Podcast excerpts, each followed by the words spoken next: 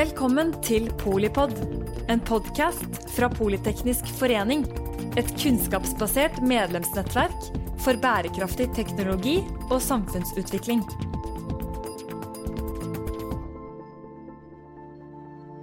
Hei og velkommen til Elefanten i rommet, podkastserien der vi snakker om hva som burde snakkes mer om i det offentlige rom. Mitt navn er Elise Antonissen, og jeg er programsjef i Politeknisk forening. Eh, dette er da den første av planlagte ti episoder i år.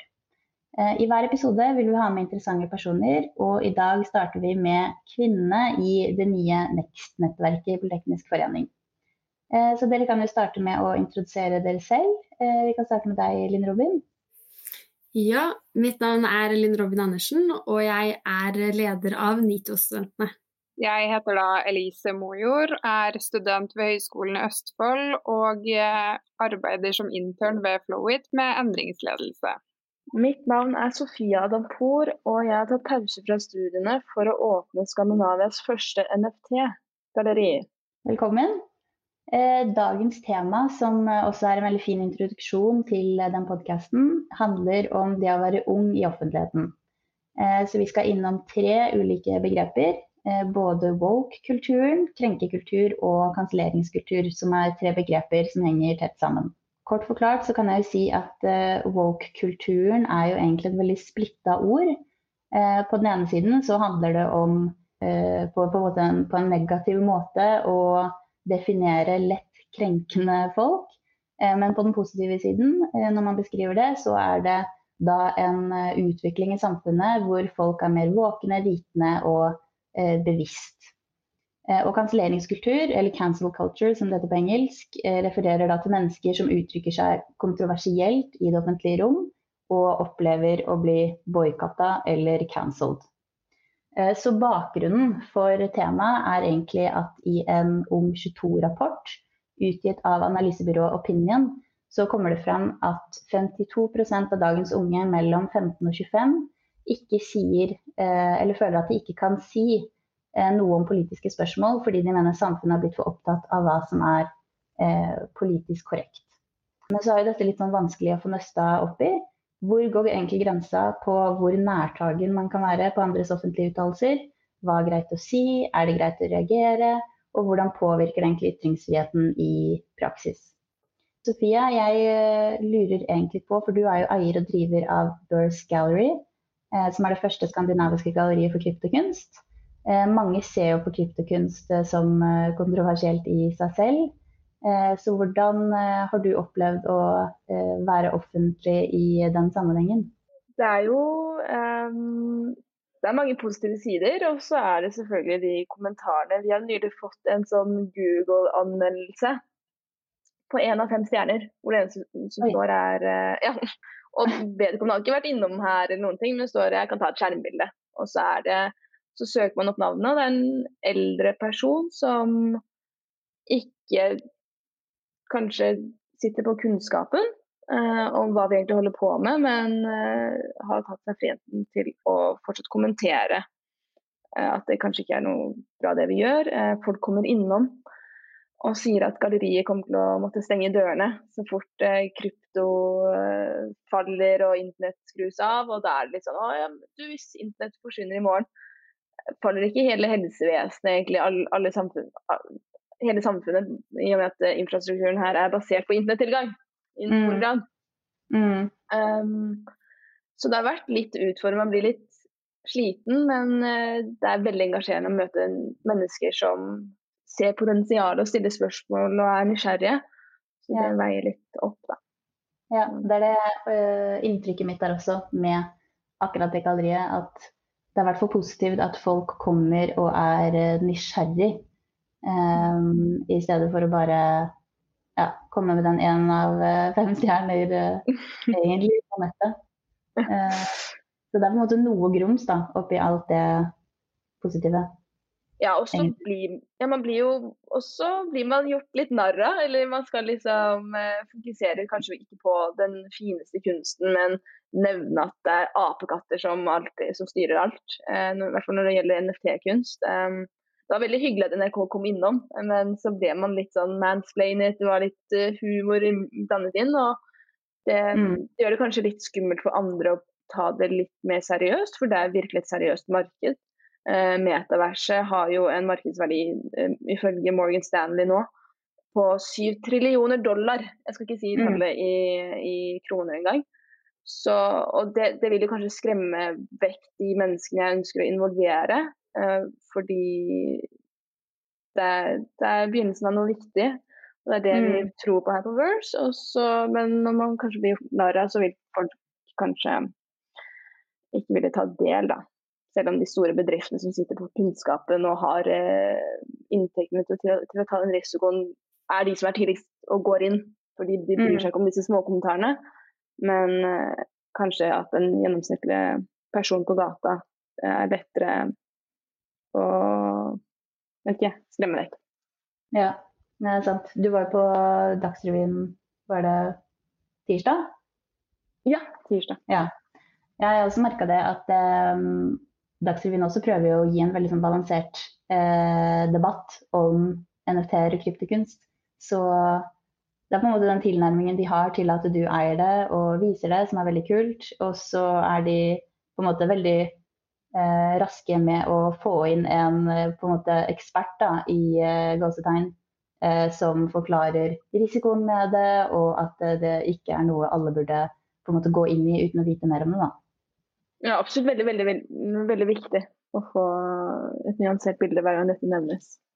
Og Linn Robin, du er jo da leder for NITO-studentene, eh, så det forventes jo veldig ofte at du uttaler deg om ulike politiske tiltak og saker. Men tror du det hadde vært annerledes å ytre så ofte i media som eh, bare i eh, hermetegn Linn Robin? Ja, det er jo helt klart en kjempetrygghet å kunne uttale seg på vegne av mange andre, eh, sånn som jeg gjør i NITO-studentene. Men hvis jeg skulle uttalt meg på vegne av meg selv, så ville jeg nok vært mer bevisst eh, på kommentarer eh, som ville dukket opp på de tingene jeg uttalte meg om. Og jeg ville kanskje også uttalt meg om litt andre ting. I vervet jeg har nå, så er det jo mye utdanning, mye studenter. Mens det er jo mange andre punkter jeg engasjerer meg for, som kanskje er litt, litt mer kontroversielle temaer da, enn det jeg uttaler meg om, eh, om da. Og når man da står alene i det og får masse kommentarer, så tror jeg nok jeg ville vært veldig bevisst på hva alle andre mente, i hvert fall. Eh, jeg tror nok kanskje ikke de ville stoppet meg fra å mene mer, men man blir fort bevisst på at oi, her er det noen som syns det jeg mener er feil eller galt. Og så Mm. tror jeg også kanskje at når man er ung, så kommer man unna med litt mer. Man kan si noe, og så hvis det er feil, så er det ikke så farlig. Eh, og det er også en liten trygghet da, hvis man skal uttale seg offentlig. Mm. Jeg føler at uh, hvis man eh, får negative tilbakemeldinger, så skal det veldig mange positive tilbakemeldinger til for at du på en måte glemmer den ene negative kommentaren. Eh, Ja, helt klart. Man kan jo få 100 som syns det er bra, og så er det én som skriver at nei, det her er helt feil, det syns jeg ikke noe om. Og da blir det jo den ene du tenker på, for det er den som skiller seg ut.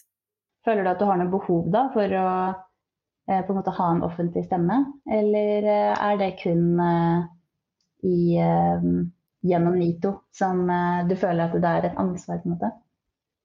Jeg syns det er veldig veldig morsomt å gjøre det gjennom NITO. Jeg har ikke gjort det offentlig tidligere, og jeg har ikke på en måte hatt noen arena for å gjøre det, men jeg syns det gir meg veldig mye selvtillit å kunne gå ut og på en måte uttale meg om, om andre ting. Da. Eh, Men jeg tenker som meg som person, sånn fremover, eh, er nok mer forsiktig med å uttale meg, selv om jeg kanskje nå tør å gjøre litt mer da, enn jeg gjorde før. Eh, Men så blir det jo igjen helt andre temaer jeg ønsker å engasjere meg i. Eh, Mm. Og da er det jo ofte den der at man får kommentarer når ting er litt kontroversielt, som, som blir skremselen på det, da. Jeg merker det at jeg er heller ikke så komfortabel med å gå ut i offentligheten og skulle mene veldig mange ting eh, om et eller annet spesielt tema. Fordi jeg vet ikke om det er sånn generasjon eh, sett, holdt jeg på å si. At man er Jeg er ikke redd for å bli cancela, men jeg er redd for at folk skal huske meg for det jeg sier. Mm. Uh, for å spille litt videre på den selv, så jeg er jo ikke noen offentlig person av den, på den måten, men jeg merker jo veldig selv hvor ubehagelig det er å skulle mene ting. Eh, og for litt siden så var det jo eh, NRK lagde jo en nyhetssak om CV-ene til eh, de som var kandidater for å bli sentralbanksjef. Ja. Og den Jeg vet ikke om jeg vil si at jeg ble krenka av den, men den terga meg fryktelig at den valgte å fjerne en viss del av CV-en. Men bare med å skulle lage et innlegg av akkurat den saken, så syns jeg det var kjempeubehagelig. For jeg var redd for at noen skulle anta at jeg var feminist på det ekstreme. Da, at det ikke handler om likestilling lenger, men at man skal heve kvinner overfor menn. Så det, Mm. det var kjempeubehagelig. Men samtidig så er det en viktig sak å legge frem, for det ble jo ikke dratt frem noe mer enn med den ene saken. Men det tenker jeg er eh, egentlig det positive ved det. Da, at man eh, i hvert fall tør å stå opp mot ting man føler er urettferdig, og tør å si fra. For det er jo mange som ikke tør det eh, engang, egentlig. Og da får du jo heller ikke den balanserte debatten som man ønsker å få, da. Nei, jeg tenker også, jeg la det jo ut på LinkedIn og ikke Facebook, og det var jo egentlig litt bevisst valg. For jeg tror hvis jeg hadde gjort det på Facebook, så er det mange som hadde valgt å på en måte stille spørsmål ved det jeg sier, da. Og på en måte prøve å peke ut det jeg sier er feil. Mens på LinkedIn så er det et mer saklig debattmiljø, om man kan si det sånn. Så det føles Mm. tryggere å gjøre det på LinkedIn rett og slett enn Facebook. Der eh, man må på en måte velge det mediet som, eh, som er mest profesjonelt. Og det ser jeg jo egentlig sånn eh, Jeg vet ikke om det er noe unge bare kan kjenne seg igjen i, men at Facebook har blitt en slags eh, plattform for den eldre generasjonen. Og at det er veldig mye usaklig som eh, legges frem der. Det som er eh, det jeg tenkte på, Lise, da du nevnte det med LinkedIn og Facebook, den forskjellen der, det er at man kan jo bla opp på CV-en til folk. Du kan bla opp og se om ok, er alt de kommenterer spam, og bare, er det bare trollaktivitet her? Mm. Mm. Mens på, det kan man ikke gjøre på Facebook. Så den tryggheten tror jeg kanskje kommer av at du kan se hva folk faktisk Hvor den meningen kommer fra, da, om det er en fast mening, eller om det bare er et nettroll. Ja, og det er vanskelig på Facebook, så der, derfor tror jeg folk faktisk går litt vekk fra plattformer som Facebook, for jeg er litt lei av det. Man, er, man kan jo være helt anonym på Facebook, med mindre noen sjekker IP-adressen din. Eh, liksom. Men på LinkedIn så går du ut med fullt navn, og du står til ansvar for de uttalelse- uttalelsene som du har eh, sagt. Da. Og så kan du bare se alle andre kommentarer. hvis man går, Jeg, vet ikke, jeg har jo stalka noen mennesker på LinkedIn tidligere. jeg. Ja. Og da, da kan man se at de har kommentert liksom alt annet de gjør. da. Og så, «Nei, Dette er en reflektert person som er nyansert og har ulike meninger. eh, og ikke er, liksom. Mens på Facebook så kan du ikke gjøre, gjøre det. Du kan ikke gå på en måte, i historikken og se. Aktiviteten der. Nei, det er det. Men Facebook har jo også blitt en plattform hvor man skal dele for å få oppmerksomhet. Eh, Det er jo ofte det stedet man velger å kommentere på ting i samfunnsdebatten, for man vet at der kan man få oppmerksomheten uten at man blir holdt ansvarlig for det. Og det er jo Mm. ofte en del som, det er den delen som er synd med Facebook. At man på en måte kan komme med et utsagn uten å forklare det på noen måte. Og da blir det jo eh, mye misforståelser og unødvendige diskusjoner på en måte ting som ikke hadde trengt å være da. Det er et Mm. poeng. Jeg, når jeg på en måte legger ut et sånt innlegg, så er det jo fordi jeg ønsker å stimulere til debatt. Jeg ønsker jo at folk skal på en måte utfordre mitt syn, for jeg ønsker å vokse og lære. Men på Facebook så føler jeg ikke at det er et miljø for det. For der kan man komme med meninger ut av eh, en helt annen verden. Man trenger ikke å basere det på noe som helst datagrunnlag. Man skal ikke legge til rette for at f.eks. hatytringer skal bli greit heller, men man må jo på en måte Som jeg sa i stad, man trenger å legge til rette for debatt og faktisk lære om hverandre og hverandres mening, Mm. i stedet for at Nei, jeg likte ikke det du sa, jeg har ikke lyst til å høre noe mer om det. Rett og slett. Ja, det er, jo sånn, det er sånn det ofte blir. Hva tenker dere om Sian-saken, da? Med så stor politibeskyttelse utenfor demonstrasjonen foran Stortinget, og at man får lov til å stå og uttale seg om eh, rasistiske ting. Det er jo på en måte et eh, prakteksemplar på ytringsfrihet, og at man skal kunne si hva man vil, da. Altså, jeg, det er jo det er vanskelig å skille akkurat hva som er ytringsfrihet og hva som er, går under hatytringer. Man skal ha på en måte lov til å si akkurat som man vil, samtidig som det egentlig ikke skal skade noen andre. Så akkurat den der syns jeg er veldig vanskelig. Og jeg har prøvd å tenke mye på det tidligere, hva som er greit og ikke greit. Um, altså, jeg mener jo bestemt på at vi trenger forskjeller i samfunnet for å drive det videre. Uh, men på en måte Til hvilken grad er det greit?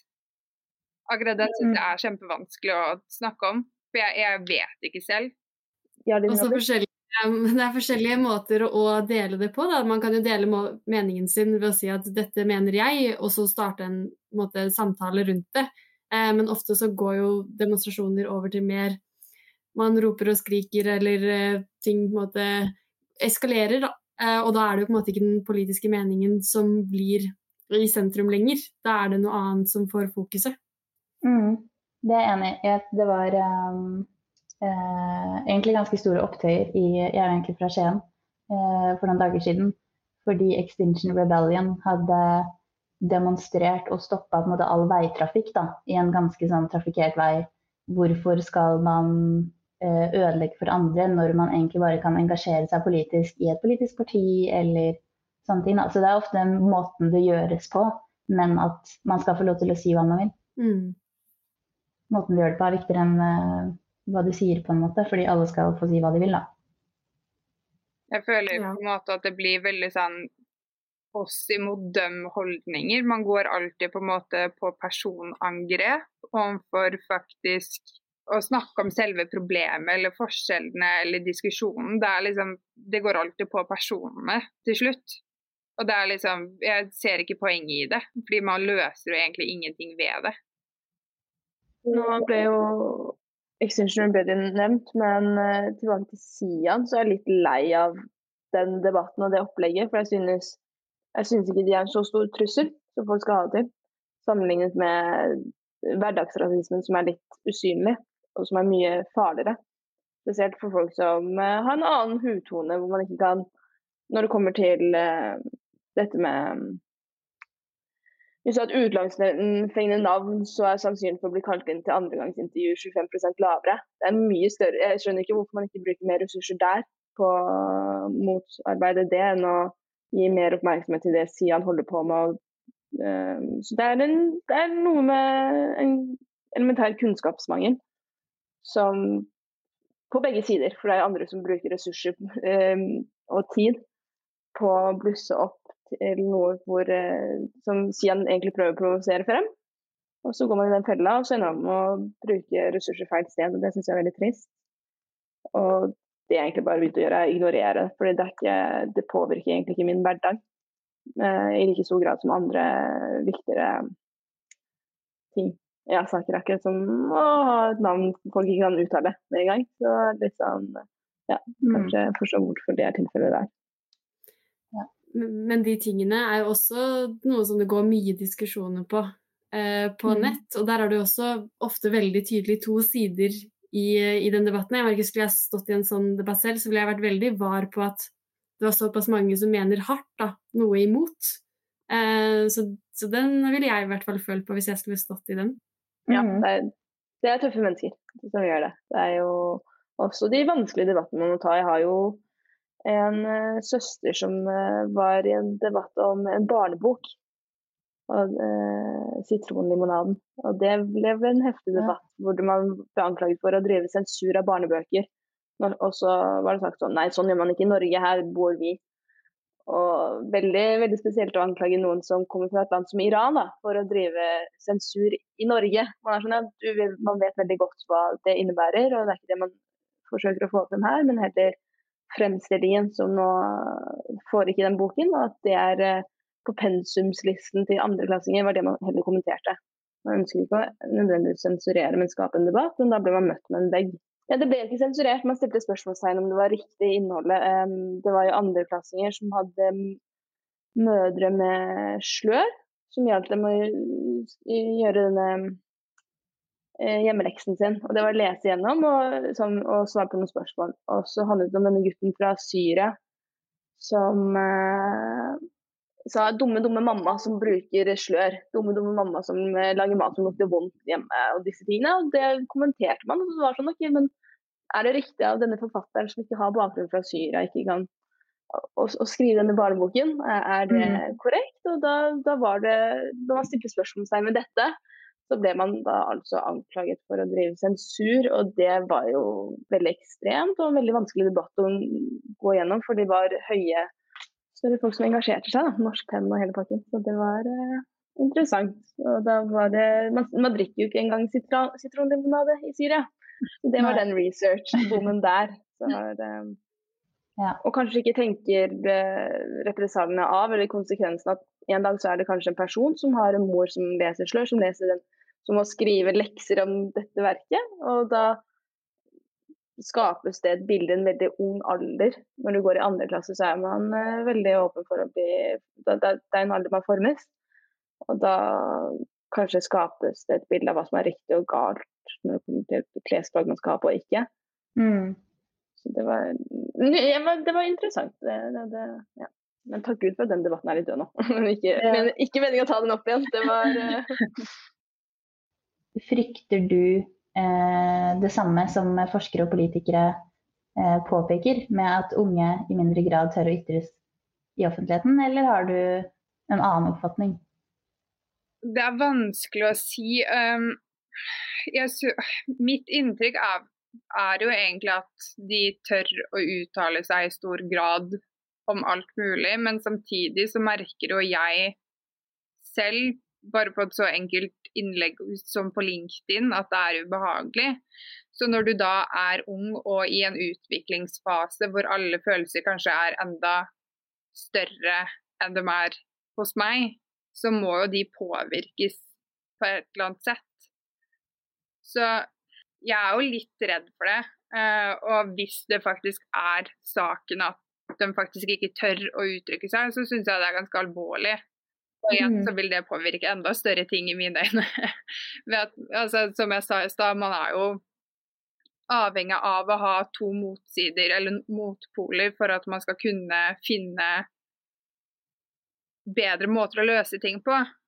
Hvis en har andre meninger som du ikke liker, så prøver du å cancele, på en måte. Det er jo ikke, det er ikke sånn det skal være. Dere må på en måte snakke sammen og prøve å utveksle og vokse vokse sammen, da, tenker jeg. Jeg opplever litt at den kanselleringskulturen, at det er noen som blir invitert inn i varmen igjen. Og jeg er bare nysgjerrig på hva som skal til der, og om det er den samme gruppe mennesker som slipper unna eller ikke, eller hva Hvem er det som på en måte har blitt kansellert og aldri jeg eh, Ja, jeg føler det er mest offentlige personer, egentlig. Ja, for jeg tenker på NRK-radioverten, komikeren. Da han klarte å lage de apelydene, så ble han jo kansellert en periode. Men mm. så, var, så, var, det inn igjen. ikke sant? Så var det sånn Nå, nå er den ikke måtte liksom Så man blir på en måte invitert litt. Så jeg lurer på hvis man hadde hatt hvis man ikke hadde hatt den posisjonen han hadde, da, og var litt liksom, akkurat som han rapperen kanskje han var i etableringsfasen, og ikke hadde det nettverket for godt etablerte mennesker har, at mm. du blir kansellert der, i den uh, perioden, på karrieren din, så er det lettere å faktisk bli kansellert og glemt. Mm. Hvis du har et solid nettverk eller har um, etablert deg godt, så kan du bli kansellert for en kortere periode. Takk for at du lytta til eh, Elefanten i rommet, og tusen takk til Linn Robin, Elise og Sofia. Jeg er Elise Antonissen og er programsjef i Politeknisk forening. Takk for at du lyttet til Polipod fra Politeknisk forening. Få med deg flere episoder, eller bli med på nettverksmøtene som du finner på at polyteknisk.